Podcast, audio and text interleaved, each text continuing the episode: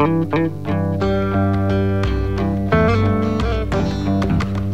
Six One One Jeroni Waterol Son of Jogja. Assalamualaikum warahmatullahi wabarakatuh Kan coba Jogja. Halo Selamat siang. Sore mbak. Selamat sore kan coba Jogja. Alhamdulillah Ketemu lagi di sasi sama sana sini soal agama. Uh, Sore hari ini kita ngobrol yuk. Kanca Muda Jogja dua minggu sebelum Ramadan. Apa yang mau kita obrolin Kaca Muda Jogja yang pastinya temanya soal Ramadan gitu ya Ramadan yang mungkin bisa saja masih berbeda atau Ramad ya bisa jadi ini adalah Ramadan yang sama seperti sebelum-sebelumnya. Nggak tahu. Kangen loh ya kaca muda Jogja Ramadan yang seperti dulu kita kaca muda. Oke, okay, um, apa namanya silakan untuk dengerin Jeronimo FM dari mana aja bisa lewat Jogja Streamers boleh kaca muda bisa lewat radio di mobil kamu gitu ya atau bisa lewat aplikasinya Jeronimo FM kalau nanti kamu udah berhenti di satu tempat gitu tapi masih pengen dengerin tausiahnya Pak Ustadz gitu kaca muda coba di uh, download aja aplikasinya Jeronimo FM di kaca muda Jogja terus bisa lihat live-nya ini apa ya Facebook Jeronimo FM kayaknya Oke, okay, gitu coba di Jogja. Jadi uh, Ella barengan sama Pak Ustadz yang sudah standby-nya lebih cepat dari saya. Assalamualaikum Pak Ustadz. Waalaikumsalam warahmatullahi wabarakatuh kaca muda. Uh, Pak Ustadz tadi kayaknya bikin tenda ini, kok di ini sini. apa? Kurang kedengeran? Iya, coba di tes satu. Ya, oke okay, kaca muda. Dan ini saat pilih tema foreplay Ramadan karena kalimat foreplay sering digunakan untuk hal-hal yang negatif. Iya. Makanya saya gunakan yang di sini. Lu jadi positif. Ya, saya jadi positif. Foreplay itu kan menggairahkan. Wah, senang banget ini gitu kan.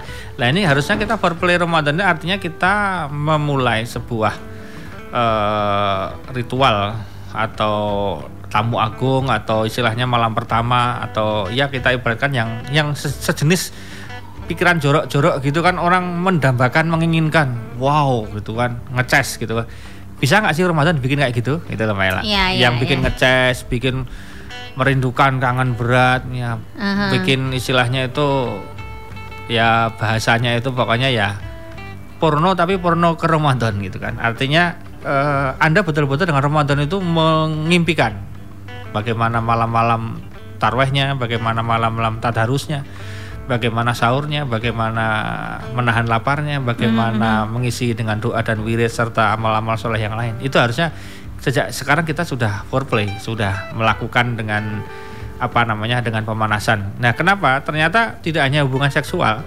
Mhm. yang namanya Ramadan itu sama dengan hubungan seksual dalam konteks tidak tidak ame ya konteksnya adalah konteks pemanasannya mbak. Jadi gini kaca muda eh, saya mencoba olahraga sudah lama sekian lama nggak olahraga gitu kan. Ternyata berat. Ternyata berat mbak Ella. Jadi agak sedikit ngos-ngosan kemudian lari-lari. terus apa rasanya badannya itu abut itu untuk gitu kan ya mencoba ya ini karena kesalahan saya nggak pernah olahraga Ya, ya. Nah, ya. sama ketika amal soleh itu kalau nggak dimulai foreplaynya, nggak ada pemanasan, nggak ada warming up, tiba-tiba langsung olahraga, langsung sepak bola, langsung lari, langsung langsung itu rawan cedera. Mending kalau cuma cedera. Beberapa orang langsung futsal langsung mati ada. Karena dia betul-betul nggak ada warming up, nggak ada foreplay, nggak ada pemanasan, tiba-tiba langsung masuk lapangan, langsung ngejar bola. Nggak tahunya ternyata ada potensi jantung, Mbak Ella. Makanya Hmm. kita mungkin nggak ngeh ya beberapa atlet olahraga terutama sepak bola yang saya tahu karena apa namanya ya tidak gemar-gemar amat tapi cukup seneng gitu kan itu lihat kalau ada transfer pemain mbak Ella Mhm. habis ditransfer kemudian kontrak mau kontrak ya dia mau kontrak mau kontrak itu Mm-mm. itu ternyata semua pemain yang sudah transfer dan sudah mau tekan kontrak sebelum tekan kontrak mesti dia ada tes dulu. Tes kesehatannya itu full. Tidak hanya general check up yang ecek-ecek mbak Ella. Mhm. dia cukup general check up yang betul-betul real sebagai seorang atlet. Makanya dia dites sampai di bodinya ini di dadanya komplit.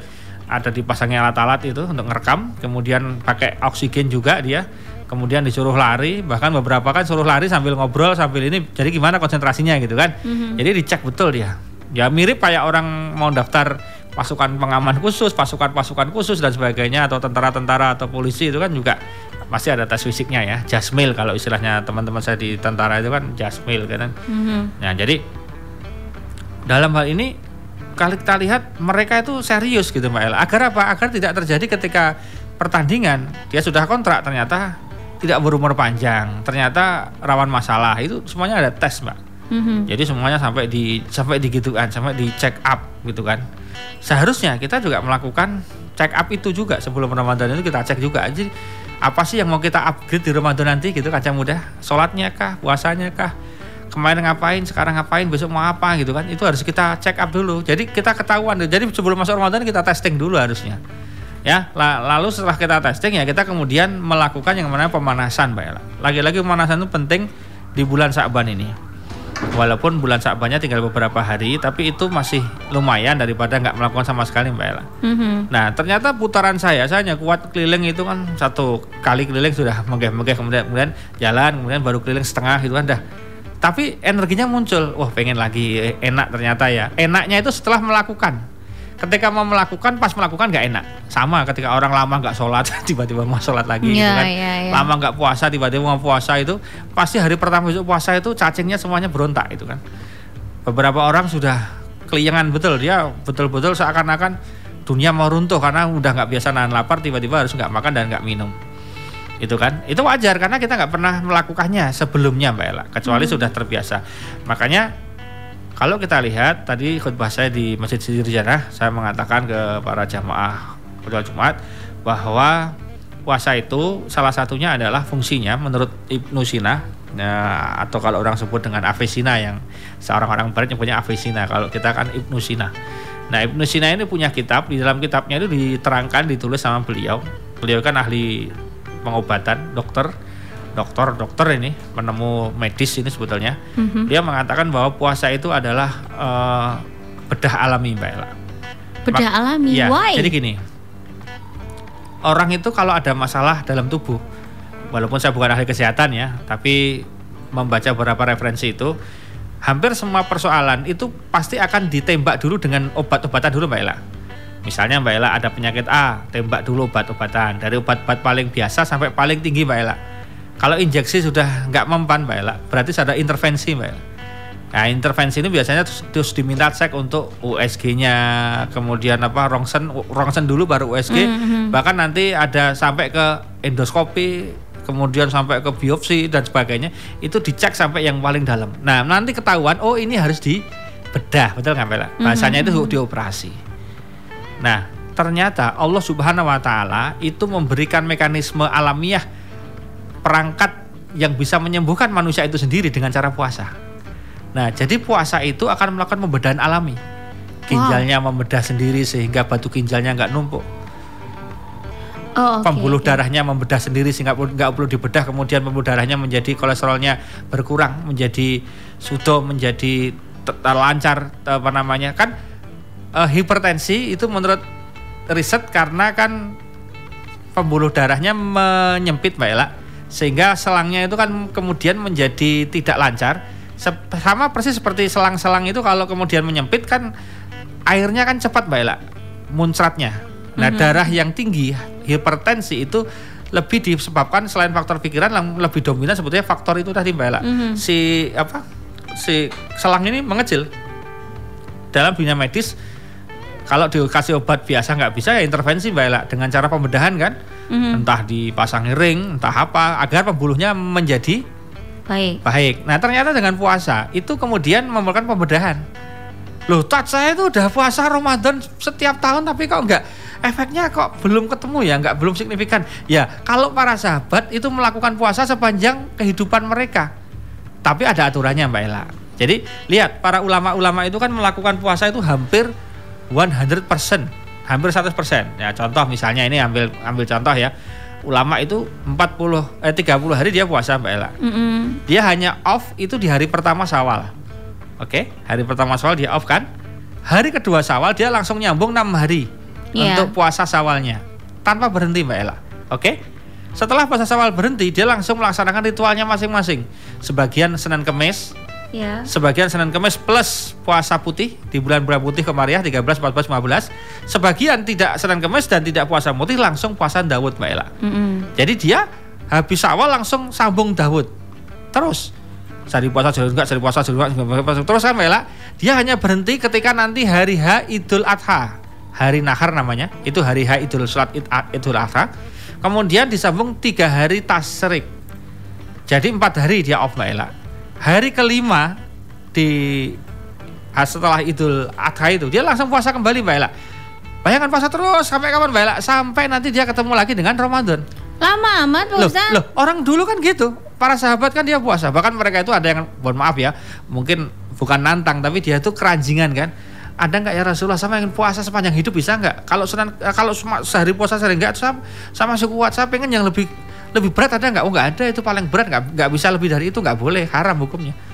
Nah, jadi kalau para ulama dulu itu banyak berpuasa, maka otomatis dia nggak pernah sakit, Mbak Ella. Hmm. Potensi sakitnya dihajar dengan puasa-puasa yang dia lakukan sepanjang kehidupannya itu. Karena biasanya kalau kita se- se- melakukan aktivitas sehari-hari mungkin ada makan dan lain-lainnya si tubuh ini kan ya jadi konsentrasinya sama mencerna yang ada Ya, gitu. Tapi ya. kalau ada waktu istirahat eh, mereka berkonsentrasi untuk oh ada yang perlu dibenerin nih kita kali ya Pak Ustadz. Ya, ya. Jadi jadi ternyata itu menjadi salah satu apa namanya? eh ma maka sebetulnya 30 hari Ramadan itu itu sebetulnya adalah pendidikan agar pasca pendidikan itu ada efeknya Mbak Ella. Makanya beberapa orang itu kemudian ketika sedang menjalani puasa hari pertama sampai hari ketujuh mungkin nggak mikir hari ketujuh ke sana agak sedikit mikir hari terakhir dia mulai bilang gini Mbak Ella wah kalau aku gini biasa aku kuat Insya Allah lah nanti aku ketika selesai Ramadan aku tak Senin Kemis beberapa orang dia akan punya hayalan impian cita-cita keinginan halu istilahnya untuk puasa. Kalau itu terjadi itu berhasil walaupun nanti tidak dieksekusi. Saya Itu- juga loh Pak Ustadz, tapi Iya. bentuknya masih kehaluan saya. lah ya, ya itu masih normal. Daripada daripada semakin hari sudah bilang gini, aduh kayak gampang toh rampung posone ya Allah. Kok rampung-rampung aku salah ngelih ini ya Allah. Ih kayak- kayak aku pengen gak raposo nah kalau itu sudah nggak normal Mbak Ella.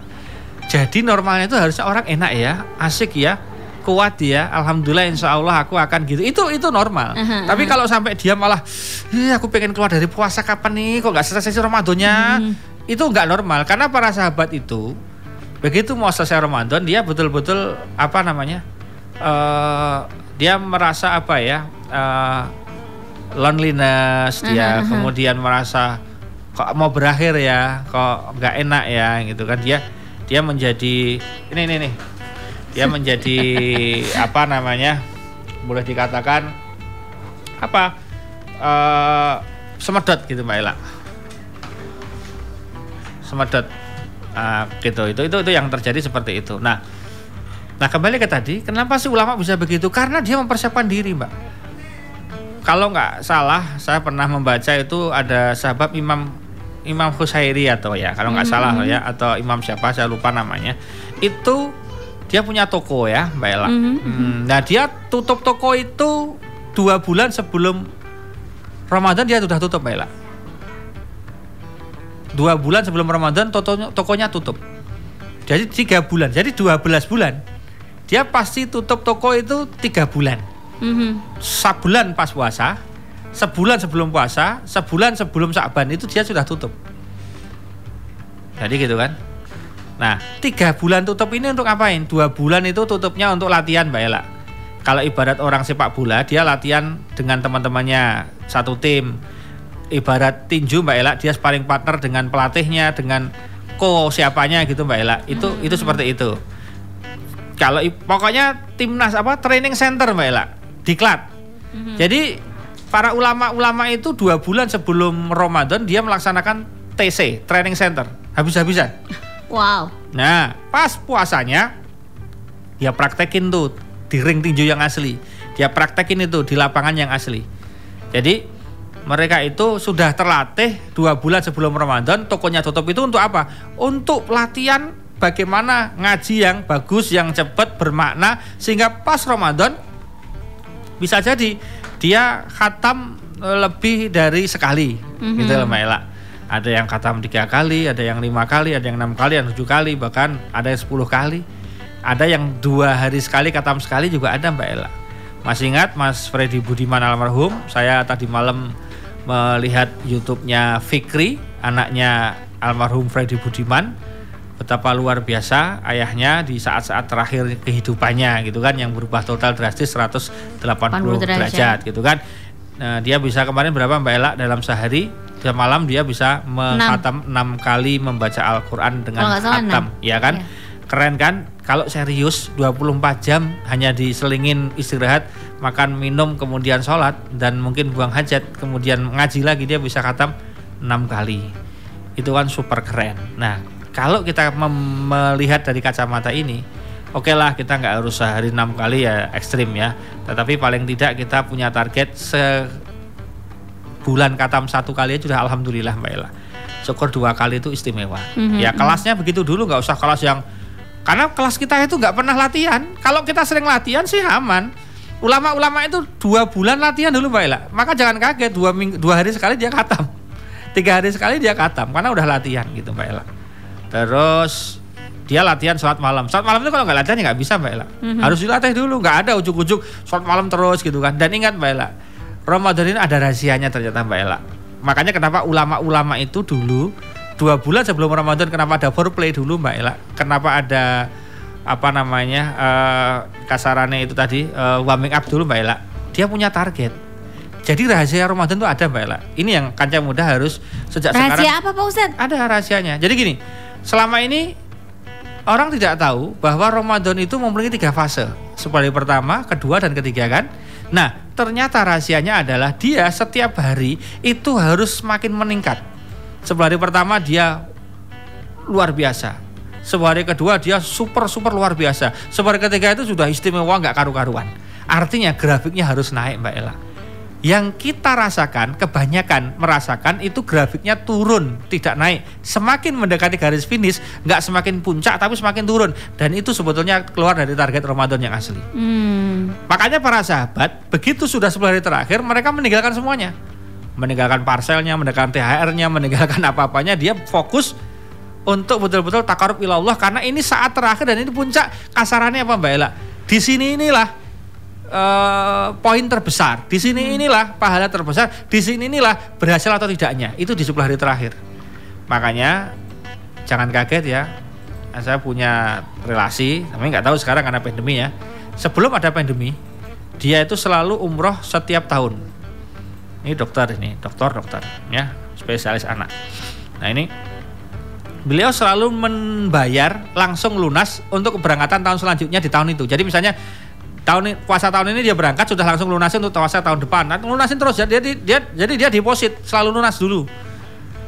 Dia punya target Mbak Ella. Pokoknya saya kalau sudah masuk 10 hari terakhir harus di Mekah Medina.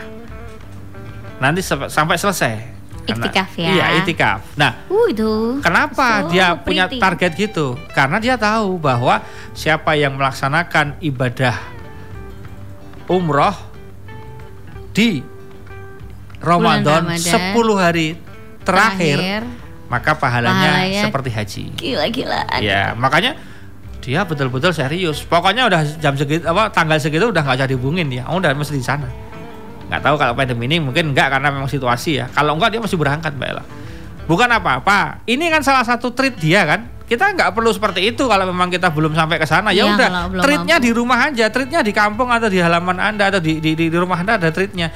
Lah kalau kita nggak pernah nge-treat semakin mendekati akhir Ramadan semakin mikir bajunya nanti apa, nanti nastarnya udah ada atau belum, anda ketupannya kayak apa, besok menunya apa ya yang aduh, pantas kita ini selalu kalah di, di apa akan se- sering ada kan eh gimana tim sepak bolanya negara itu negara itu itu nggak pernah menang kenapa karena dia selalu gagal di penyelesaian akhir jadi padahal yang paling penting Iya, iya, penyelesaian iya, akhir iya, itu kan iya. ada jadi Itu kayak orang yang udah berjuang di awal tapi jo apa namanya menyerah gitu. ya Padahal yang namanya puasa itu sebuah perjuangan untuk memperjuangkan pahala yang luar biasa ya Pak Ustadz. Ya, makanya sekarang meskipun sudah terlambat, tapi saya tidak pernah mengatakan terlambat karena menurut saya hidayah itu yang penting dapat, yang penting kena gitu kan. Ya. Terlambat pun nggak apa-apa, yang penting dapat daripada nggak terlambat tapi nggak dapat.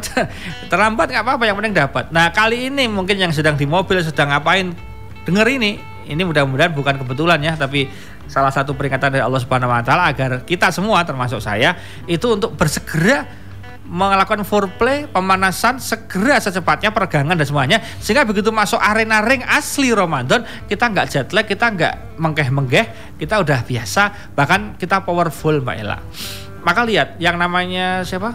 Eh misalnya kayak Habib Nurmagomedov misalnya UFC itu dia meskipun sudah tenang begitu dia sudah mau mendekati ring kan dia masih tetap stretching gitu kan Mbak Ella dia goyangkan kanan kiri tangannya dia gini kan. Untuk apa ya? Dia persiapan ini mau perang besar.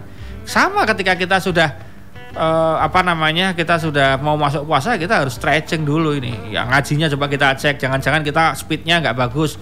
Kalau speed nggak bagus minimal kualitasnya dong gitu kan. Karena kalau udah speed bagus kualitas bagus pemanaan bagus oke. Nanti bisa cepat itu bisa running well dengan bagus wirid-wiridnya. Karena begini mbak Ella ternyata ngaji itu tanya pada pembaca Al-Quran yang sudah ahli. Makanya ini mbak kalau kita lihat kaca muda karena kita sering disebut ini ulama-ulama itu ahli tahajud mbak Ella betul? Mhm. ahli sedekah ahli puasa ahli Quran. Kata ahli itu ternyata merujuknya bukan merujuk pada anu Mbak Ella apa? Ternyata ahli itu tidak seperti yang kita bayangkan ahli-ahli kita. Misalnya kita sering menyebut itu ahli sumur ternyata kita hanya melihat ilmu tentang keahlian sumur. Atau itu ahli apa. Jadi kalimat ahli itu sering identik dengan ilmunya banyak. Ternyata boten. Ahli menurut ulama-ulama itu ahli itu adalah jam terbang melakukan amal itunya banyak. Oh dia ahli sholat. Eh, ahli tahajud. Hmm. dia tahajud sudah sejak kecil dan nggak pernah meninggalkan. Dan dia meningkatkan kualitas tahajud dari hari ke hari dari waktu ke waktu. Maka disebut dengan ahli. Ahli itu artinya bukan pintar tahajud. Dia rutin jam terbang tahajudnya tinggi. Hmm. dia ahli puasa. Dia jam terjang puasanya tinggi. Gitu loh. Ahli duha, duha dia hanya mulu. gitu. ulahnya tidak pernah putus dan dia menjaga konsistensinya 12 rakaat dia nggak pernah turun ke level Iya, 10 iya. aja nggak pernah. Itu namanya sudah ahli. Jadi ahli itu bukan pinter mbak Ella. Ahli menurut Islam itu artinya pengamal dengan jam terbang yang konsisten dan istiqomah, yang istiqomah luar biasa. itu ahli iya, namanya iya, gitu iya. Ella Oke.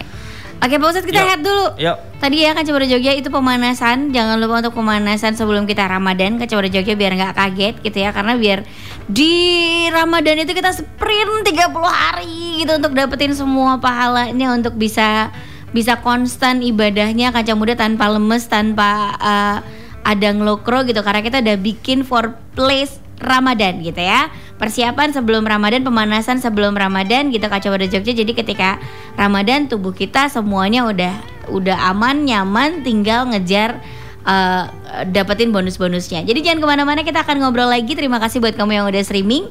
Lewat Jogja Streamers kita kaca muda Jogja. Boleh juga download uh, app store-nya Jeronimo FM buat dengerin Jeronimo FM dan dengerin tausiah yang bakal tetap ada.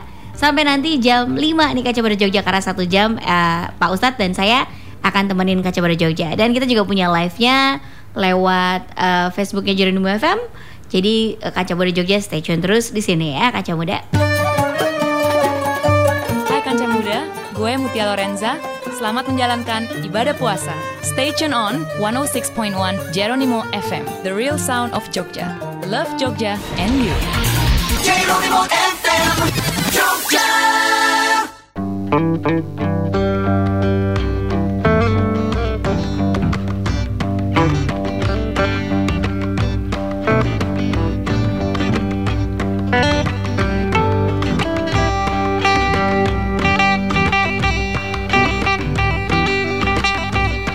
Mana Six Main One Jeronimo The Roll Son of Jogja. Masih barengan sama Ella Arlika di Sasi Soma. Sana Sini Soal agama nih Kaca Pada Jogja. Makasih udah nonton live-nya. Kita udah mulai lagi Kaca Pada Jogja di Facebooknya Jeronimo FM gitu ya. Boleh lihat kita live-nya di situ. Terus juga lagi streaming boleh juga lewat Jogja Streamers atau lewat aplikasinya Jeronimo FM di download dulu Kaca Pada Jogja. Makasih udah dengerin lewat uh, Jogja Streamers ya. Asik ya. Oke, ngomong-ngomong ke Coba Jogja kita masih punya tema soal foreplay Ramadan ya, nggak ngomongin jorok loh ini. Hmm, hmm, hmm. Karena kita udah lebih dekat dengan Ramadan harus ada persiapannya nih Kaca Bodo Jogja. Nah, selain ini kalau tadi kata Pak Ustadz, coba nih kita eh, ini pemanasan ibadah dulu gitu. Puasa dulu gitu kali Pak Ustadz. Boleh nggak sih puasa? Katanya ada yang 15 hari atau berapa hari sebelum puasa tuh kita nggak boleh puasa lagi Pak Ustadz nanti Ramadan ya udah gitu nggak boleh disambung gitu ada yang bilang gitu Pak Ustadz bener nggak Hmm, eh, jadi yang benar itu adalah tidak ada puasa khusus di bulan Sa'ban ya. Yang ada itu adalah memperbanyak puasa sunnah di bulan Sa'ban. Nah, puasa sunnah itu ya sesuai dengan rekomendasi. Satu, dia penganut puasa Dawud sebelumnya Mbak Ella. Otomatis dia akan puasa sehari sehari puasa sehari enggak Sekalinya. terus, gitu kan? Dia berhentinya kapan? Berhentinya adalah ketika Hamin satu sebelum Ramadan dia ke jadwal puasa Dawud, Mbak Ella, itu nggak boleh. Kalau Hamin satu ya, misalnya, Oh, Hamin satu nggak boleh Dawudnya? boleh. Jadi Oke. misalnya pas Hamin satu dia ke jatah puasa, dia harus off. Tapi Bayar kalau utang? gimana? Kalau Hamin satu bayar utang? tetap nggak boleh. Oh, Tetap gitu. nggak boleh. Jadi semua puasa nggak boleh di Hamin satunya. Oh iya iya. Baik iya, puasa nazar, puasa nyaur utang ataupun puasa sunnah. Termasuk Senin Kemis juga nggak boleh. Termasuk puasa-puasa di bulan putih juga nggak boleh. Tidak berlaku karena yang wajib didahulukan. Agar hitungannya tidak kemudian menjadi lebih dari 30 iya. Satu. satu, Tiga puluh. 30 ya. Tiga puluh Jadi ya, ya, ya. itu itu harus harus dijaga seperti itu. Nah, yang betul adalah yang dimaksud itu sebetulnya bukan kemudian ada puasa bulan Syaban nggak ada. Artinya kalau Rasulullah dalam hadis dikatakan Siti Aisyah radhiyallahu anha bahwa Rasulullah tidak aku dapati Rasulullah sangat, sangat apa suka berpuasa sering berpuasa di luar Ramadan adalah di bulan Syaban itu artinya Rasulullah puasanya all out semua dilakukan di bulan Ramadan. Puasa sunnah yang direkomendasikan loh ya. Ya ya di luar itu nggak ada baiklah. Nah jadi yang dimaksud di sini kalau saya bicara foreplay itu adalah ya tadi kita mulai puasa-puasa sunnah. Senin Kemis kita mulai. Senin tok ya pak. Nggak apa-apa Kemis nggak apa-apa. Minimal kita pernah mencobanya Mbak Ella. Oh gini rasanya puasa biar nggak kaget. Kemudian kita mu- mulai sholat malam Mbak Ella. Oh gini rasanya sholat malam biar nggak kaget Mbak Ella. Karena kita butuh stamina. Ingat dalam pertandingan Ramadan mirip pertandingan tinju atau UFC atau pertandingan sepak bola mana pun Kenapa? Kenapa? kenapa disamakan dengan Gini. sepak bola? Sepak bola itu kan lari lelah gitu. Iya, betul. Ustadz. Sama puasa ini juga kelelah loh. Jangan dikira nggak lelah. Mhm. Kita pagi harus sahur, buka, sahur, buka, sahur, buka, tarawih, sahur. Itu gitu ya. itu capek Mbak Ella. Siapa bilang nggak capek sini orangnya? Masih capek. Tapi capek yang menyenangkan, capek yang membahagiakan, capek yang dirindukan, capek yang membawa pahala gitu Mbak Mhm. Ella. Nah, kita kalau dalam hal pertandingan ingat ada tipe orang yang langsung KO di depan ya gitu kan? Ada yang KO-nya nanti. Nah ini kan masalah stamina Mbak Ella. Mhm. Uh, jadi kalau kita lihat stamina dari para petinju-petinju itu petarung UFC misalnya dia staminanya itu dijaga dari pertama sampai bahkan dia kadang-kadang pintar Mbak Ella. Dia paksa musuhnya untuk fight di depan dia bertahan di awal Mhm. Musuhnya udah kehabisan tenaga, dia udah ngeluarin semua jurusnya, udah mukul dengan cara yang terbaik, dia powernya udah keluar di luar, dia hemat energi pas di hari terakhir, di saat-saat turun di terakhir dia gaskan gitu kan, roboh itu musuhnya. Sama dengan sepak bola kan, ada yang tim itu nyerang terus capek dia. Nah, ada yang tim santai begitu pelatihnya mengatakan serang di saat-saat terakhir, injury time-nya dia diserang gitu kan. Nah, Ramadan itu seperti injury time. Jadi injury time-nya Ramadan itu 10 hari terakhir. Makanya kalau kita di hari pertama itu semangat, nggak apa-apa memang harus, tapi jangan sampai kemudian semakin ke sono semakin turun itu. Nah, durasi itu bisa dijaga dengan tadi kita mempertahankan foreplaynya, mempertahankan pemanasannya agar pemanasannya lebih panjang. Karena begitu pemanasannya sudah panjang, sudah oke, peregangannya udah bagus, insya Allah tidak cepat untuk menyerah gitu kan. Nah, kalau kita bicara konteks sekarang, kita adalah sekarang mencoba untuk mulai kita ini eh, meng- menginventarisir. Nah, sekarang kita masuk ke teknik ya, eh, karena waktunya juga terbatas. Besok kita sambung lagi, insya Allah eh, menginventarisir amalan apa yang kurang di Ramadan kemarin dan mau apa yang diperbaiki di Ramadan tahun ini, gitu loh. Mhm, mhm. Gitu, cek dulu nih. Tahun kemarin katamnya berapa kali? Oh cuma sekali. Tahun ini mudah-mudahan satu setengah atau dua kali. Nah, targetnya itu dinaikkan tapi irasional. Jangan sampai pokoknya lima kali. Nggak perlu begitu. Fokusnya itu di puasanya, bukan di itunya dulu. Itunya iya, tapi fokusnya itu di puasa. Tahu puasa nggak? Puasa itu adalah dari sahur sampai dengan buka itu puasa. Berarti momen golden time-nya itu ya pas puasa itu Mbak Ella. Mhm. Karena pas puasa itu cenderung orang nggak ngisi apa-apa. Di situlah kelemahan kita. Kita sering menganggap puasa itu capek, makanya habis sahur kita tidur sampai duhur, duhur bangun mandi tidur lagi sampai asar, asar bangun mandi, kemudian di depan radio, kemudian sambil siapin makanan. Jadi kita nggak ada punya makna apa-apa terhadap puasa itu sendiri. Mhm, mhm. Jadi justru puasa itu akan lebih menarik manakala Anda menahan godaan. Tidak hanya tidak makan dan minum, godaan yang lain juga dia tahan. Ketika Anda puasa, Anda tetap ngotot membaca Quran. Ketika Anda puasa, Anda tetap ngotot duha. Ketika Anda puasa, Anda tetap ngotot siaran yang baik-baik. Ketika Anda puasa, Anda tetap ngotot kerja. Ketika Anda puasa, Anda tetap ngotot yang kira-kira itu membawa pahala. Itu baru puasanya ada bobotnya Mbak Ella. Mhm. Jadi ingat yang dihitung itu puasanya loh. Nah nanti pernik-pernik habis buka puasa itu tambahan aksesoris Mbak Ella. Tarweh aksesoris, Hmm. ngaji aksesoris, solawatan aksesoris, dikir aksesoris, aksesoris ini, ini. Tapi jangan sampai mobil itu aksesorisnya bagus tapi mesinnya buruk. Mhm. Dalamnya buruk. Aksesoris penting karena gebiarnya itu di aksesoris. Lihat kita puasa kan cenderung memperbesar aksesoris kan tarwehnya dibahas berkali-kali. Kamu ikut yang 23 atau kamu ikut yang 11. Ya. Kan dari dulu kan aksesoris yang dibahas. Kamu takbirannya besok modelnya gimana? Mau yang pakai lampion atau nggak pakai lampion? Aksesoris yang dibahas. Ya kan? Kita lebih banyak aksesoris yang dibahas gitu kan. Kamu darusan nggak? Jaburannya apa? Wah, Mhm. pembicara pembicara sholat tarweh gitu diburu orang. Mhm. Pembicara subuh itu nggak diburu orang gitu kan. Jadi justru yang menarik itu pas puasa. Nah, jadi para panitia jangan terkecoh. Eh, acara buka puasa sampai dengan sahur itu penting, tapi acara habis sahur sampai buka jauh lebih penting. gitu loh. Nah, kita seringnya kan apa ya istilahnya wow di saat-saat apa namanya saat-saat malam gitu kan. Tapi lupa saat-saat siang gitu kan. Bahas siang itu malah justru di situ doa-doa sedang mustajab mustajabnya Hmm. amal-amalan sedang ditingkat-tingkat tingkat-tingkatkannya gitu kan. Pahalanya berlipat-lipat gitu. Dan apa ya Ella? Menahan lapar menahan godaan ketika sudah berpuasa itu itu betul-betul Allah yang memberi nilai Mbak Ella. Makanya cara yang terbaik ketika kita mengisi siang hari di bulan Ramadan adalah usahakan kita untuk apa ya ya maksimal mengisinya dengan perenungan yang mendalam membaca Al-Quran terjemahannya kitab-kitab kerja yang enggak tetap kerja Bukan ada. tidur ya, Pak Ustadz tidur walaupun boleh. tidurnya tidur boleh saya tidak mengatakan bukan tidur tidur boleh siapa yang mengatakan tidak boleh enak banget loh pas puasa tidur itu Iya, Saya tidurnya juga- aja pahala. Tapi saya kalau tidur terus melakukan. boleh, nah, Pak iya, Ustadz. iya, yang nggak boleh tidur terusnya itu jadi tidur puasa itu ada durasinya ada Iya. durasinya yang harus kita jaga dengan sebaik-baiknya. Nah bersyukurlah kita ketika kita berpuasa dengan kondisi cuaca di Indonesia yang cukup bersahabat situasi yang cukup bersahabat.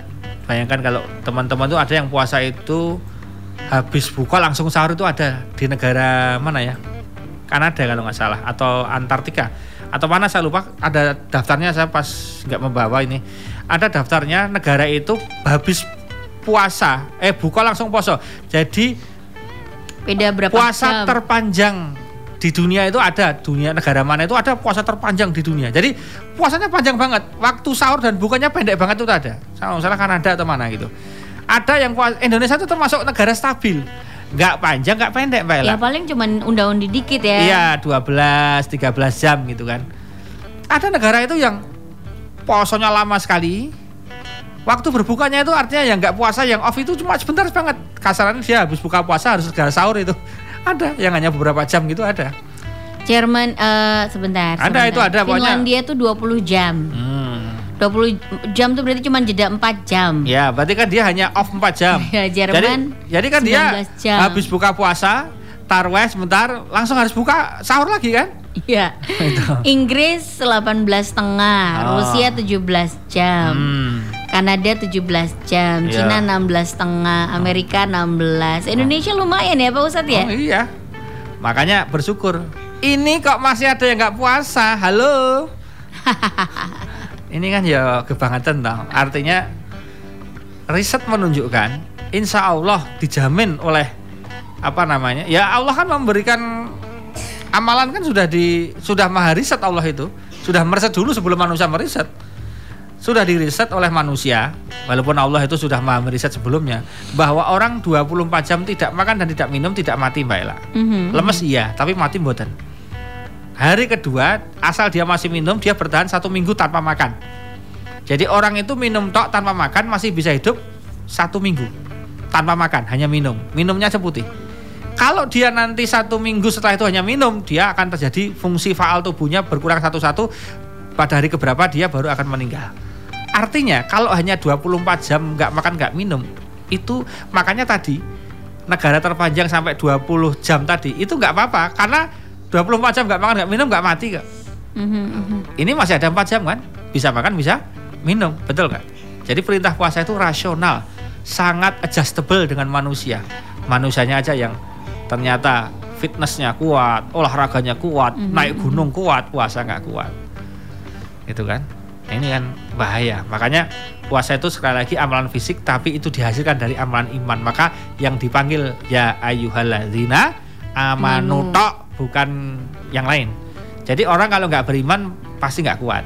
Walaupun dia itu wong yang nggak beriman, eh, yang beriman tuh wong puasa nggak sahur aja kuat kok. Sering kan, waduh bangun-bangun udah adzan subuh, ya udah nggak sahur toh, kuat kok, Mhm. kuat. Kenapa? Iman.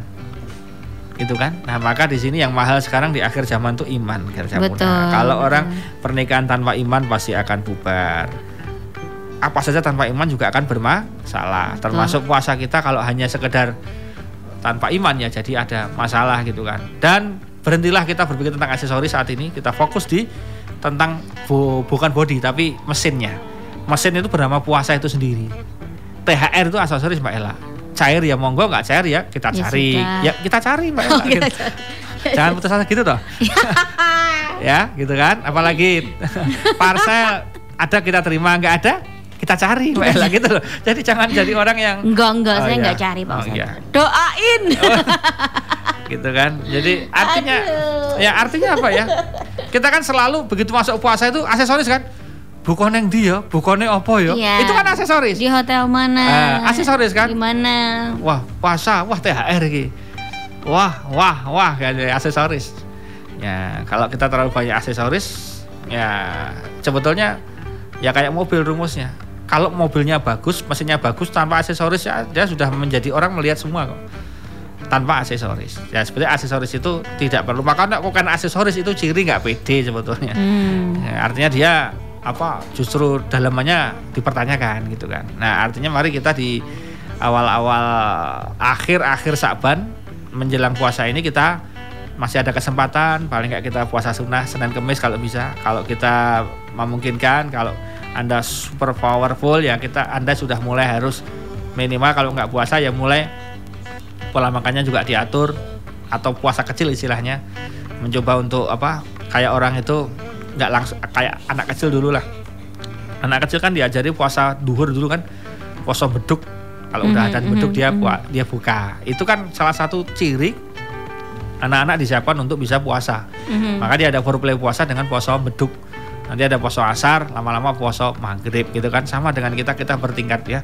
Nah ini ada waktu masih ada waktu. Mari kita eh, lakukan amal soleh untuk pemanasan dan kita check up kita list kita general check up seperti ma- bagaimana para atlet yang mau masuk klub itu sebelum kontrak tangan ditandatangani dia harus lolos tes kesehatan. Kita juga harus tes dulu kesehatan keimanan kita Mhm. mana yang kurang pasti banyak kurangnya. Kita akan target benahi di mana. Maka lihat kenapa sih fitness itu paling dianjurkan dibanding dengan olahraga lain kalau menurut beberapa riset Mbak Ella? Mhm. karena dia on target Mbak Ella misalnya targetnya pokoknya perutnya yang kempes berarti yang digerakkan yang ini sama ini. Kan Mhm. ketahuan. Lengannya yang gede, gede berarti yang digerakkan ini sama ini. Nah fitness itu kan nggak bisa semua alat kamu pegang.